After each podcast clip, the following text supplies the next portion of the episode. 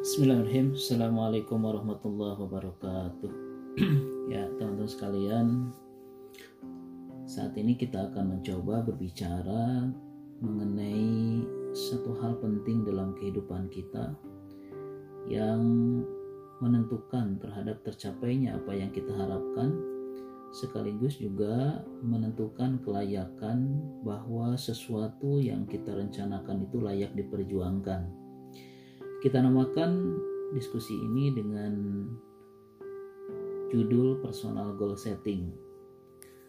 Eh, satu pembicaraan di dunia sumber daya manusia eh, yang cukup populer karena tentu memotret bahwa setiap orang memerlukan adanya target dalam kehidupan yang harus dia capai, baik dalam kehidupan pribadi, keluarga, karir, ataupun dalam kehidupan yang lebih luas di dalam masyarakat, berbangsa dan negara, bahkan tentu di dunia. Hal ini menjadi penting sehingga tadi sebuah target itu layak untuk diperjuangkan. Tanpa adanya perencanaan, maka target itu seolah tidak akan menjadi terarah, tidak akan menjadi terukur, tidak akan terkendali, dan tentu jauh panggang dari api dari satu kata tercapai. Inilah mengapa personal goal setting menjadi sesuatu yang penting untuk kita pelajari dan dijadikan arah dalam kita memperjuangkan apa yang kita targetkan. Baik teman-teman sekalian, eh, kalau kita berbicara personal goal setting, maka kata kuncinya berarti personal adalah diri, goal adalah sasaran yang hendak dicapai seseorang dalam hidupnya. Nah, personal goal setting atau setting adalah merupakan suatu proses. Bagaimana kita menetapkan tujuan dalam hidup, target-target hidup, sehingga hadir upaya. Nah, ini ada kata kunci dalam prosesnya, yaitu hadir upaya untuk mencapai tujuan tersebut secara lebih terarah, efektif, dan efisien.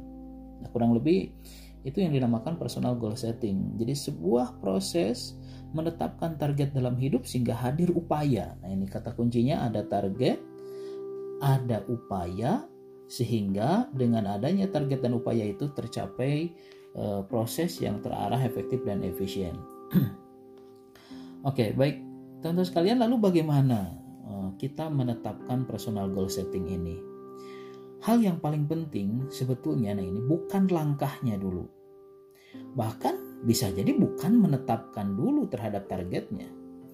Melainkan ada pertanyaan besar yang harus kita jawab. Apakah kita menginginkan sesuatu yang harus dicapai dalam hidup? Bahasa lebih gampangnya apakah kita punya harapan dalam hidup? Karena ini menjadi penting dalam beberapa kesempatan saya mengatakan harapan adalah hidup Toh orang kalau mau meninggal saja ditanyanya, apakah ini masih punya harapan? Nah, artinya harapan adalah hidup. Jadi pertanyaan besar sebelum menentukan langkah, sebelum men-set goals adalah adakah yang ingin dicapai dalam hidup? Kalau jawabnya iya, baru kita melangkah kepada pertanyaan kedua. Siapkah kita komitmen untuk mencapainya? Gitu. Jadi ada kesiapan untuk komitmen mencapainya. Nah, sejatinya personal goal setting bukan hanya berbicara apa yang akan dicapai berarti, namun berbicara mengenai kesiapan berkorban untuk mencapai tujuan yang telah ditetapkan. Bahkan bisa jadi bukan kita siap sukses. Kadang kita juga bertanya, siapkah kita berjuang? Karena kesuksesan dengan perjuangan itu pasti berdekatan. Kalau orang siap sukses, belum tentu siap berjuang.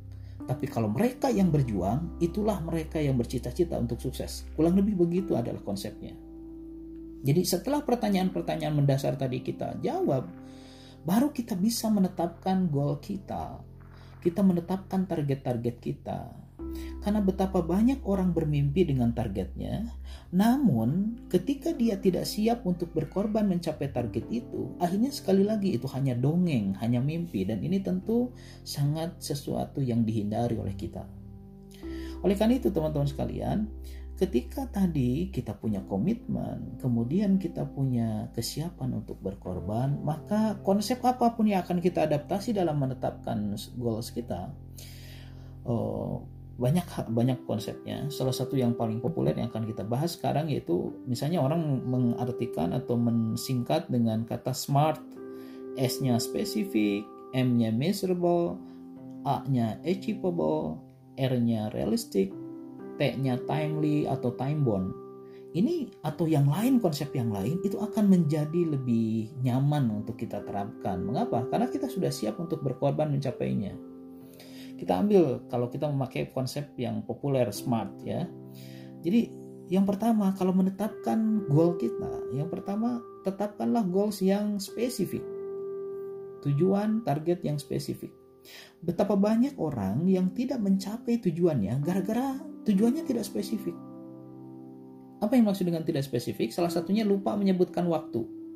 Misalnya contoh, ada orang menginginkan satu barang, misalnya taruh saja, ya Allah saya minta motor, saya ingin punya motor. Tapi dia lupa menyebutkan kapan motor itu dicapai, maka tentu tidak akan terarah prosesnya. Karena bisa jadi motor itu akan dicapai karena Tuhan saja menjanjikan bahwa berdoalah kepadaku niscaya aku akan kabulkan artinya janji Tuhan bahwa seluruh permintaan kita itu akan dikabulkan namun entah kapan nah entah kapannya ini harus dijawab dengan spesifik spesifik waktu setidaknya. Jadi makanya yang pertama spesifik, spesifik waktu. Sebutkan, ya Tuhan saya pengen lulus. Lulusnya adalah dua tahun misalnya, lulusnya adalah tiga tahun. Jadi menentukan sesuatu yang spesifik, bahkan bukan hanya waktu, termasuk spesifikasi dari keinginan kita.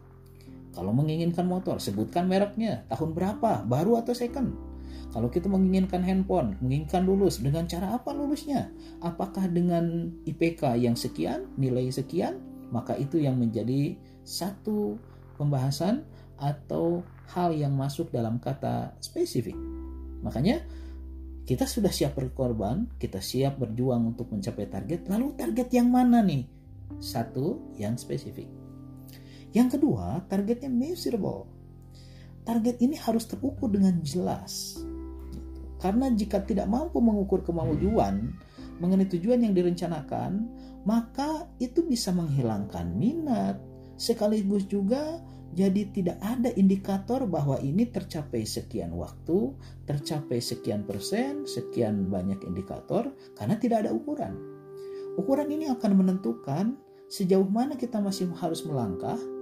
Ukuran ini juga menentukan apakah nanti masih menanjak atau sudah mulai menurun tanjakan itu, ini sesuatu yang harus terukur dengan jelas.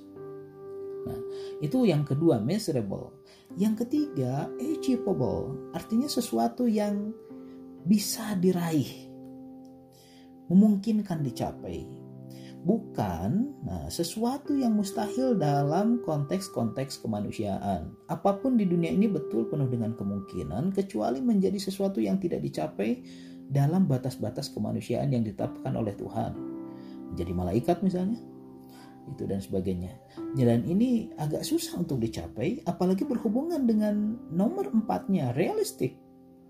Tidak ngawang-ngawang. Kalau tadi misalnya contoh menjadi malaikat itu mengawang-ngawang Orang menyebutkan kegilaan dalam konteks mencapai tujuan adalah saat dia ingin mencapai sesuatu yang tidak dalam porsinya dia sebagai kemanusiaan. Apalagi ada yang dulu menginginkan jadi nabi, ada yang menginginkan jadi Tuhan. Ini no realistic, no real. Jadi ini tidak realistik gitu ya. Jadi goal yang ditetapkan itu tentu tadi achievable, langkah-langkahnya bisa diukur dan bisa sistematis sehingga kita mencapainya itu bisa tahu ini sudah dekat gitu atau tidak terhadap itu. Jadi bisa dicapai dan realistik gitu. dan nah ini yang tadi itu bersambung dengan kata spesifik contoh di spesifik ada T nomor 5 ini bagaimana kita punya batasan waktu. Batasan ikhtiar kita itu dibatasi oleh waktu timely atau time bound kapan ini akan dilakukan uh, evaluasi, kapan ini akan tercapai, kapan ini akan selesai, maka itu menentukan. Karena tenggat waktu pencapaian itu ditetapkan untuk memberikan gambaran yang jelas seberapa efektif upaya kita dalam pencapaian goal kita. Nah, teman-teman sekalian, konsep ini sekali lagi mungkin kalau kita melihat jalurnya bisa jadi keliling, bisa jadi saling berhubungan karena tadi achievable, realistic, measurable aja dekat sebetulnya ya. Timely dengan spesifik dekat. Jadi semuanya ini berdekatan. Ini satu pedoman untuk kita menentukan itu. Menentukan target. Nah ini akan menjadi gampang sekali lagi saat kita telah memiliki, saya ulangi, telah memiliki kesiapan berkorban untuk mencapai target gitu. Dan tentu kalau lebih mundur lagi, yang lebih esensial, yang lebih penting daripada itu, apakah kita memiliki harapan yang ingin dicapai dalam hidup? Ini pertanyaan dasar. Nah, kalau memang tidak, ya tentu banyak hal yang mesti dievaluasi dalam kita semuanya. Nah, baiklah teman-teman sekalian. Jadi, kalau kita berbicara personal goal setting, ini adalah berbicara sekian upaya, atau proses dalam menetapkan tujuan sehingga hadir upaya untuk mencapainya lebih terarah, efektif dan efisien. Dan tentu modalnya tadi, modalnya bukan berbicara langkah dulu. Modalnya bukan berbicara prosesnya dulu, namun pertanyaan-pertanyaan dasar khususnya pertanyaan kesiapan kita untuk memperjuangkan apa yang kita harapkan. Mudah-mudahan ini menjadi gambaran dari proses kita dalam menetapkan goals kita dalam hidup dan mudah-mudahan dengan menetapkan goals yang terbaik ini akan menjadi satu hal yang akan menjadikan harapan itu dekat terhadap kenyataan. Sukses senantiasa, semoga cita-cita kita tercapai dan tentu cita-cita yang menyelamatkan kehidupan dunia dan akhirat kita. Uh, terima kasih. Mohon maaf jika ada kata-kata yang kurang berkenan. Assalamualaikum warahmatullahi wabarakatuh.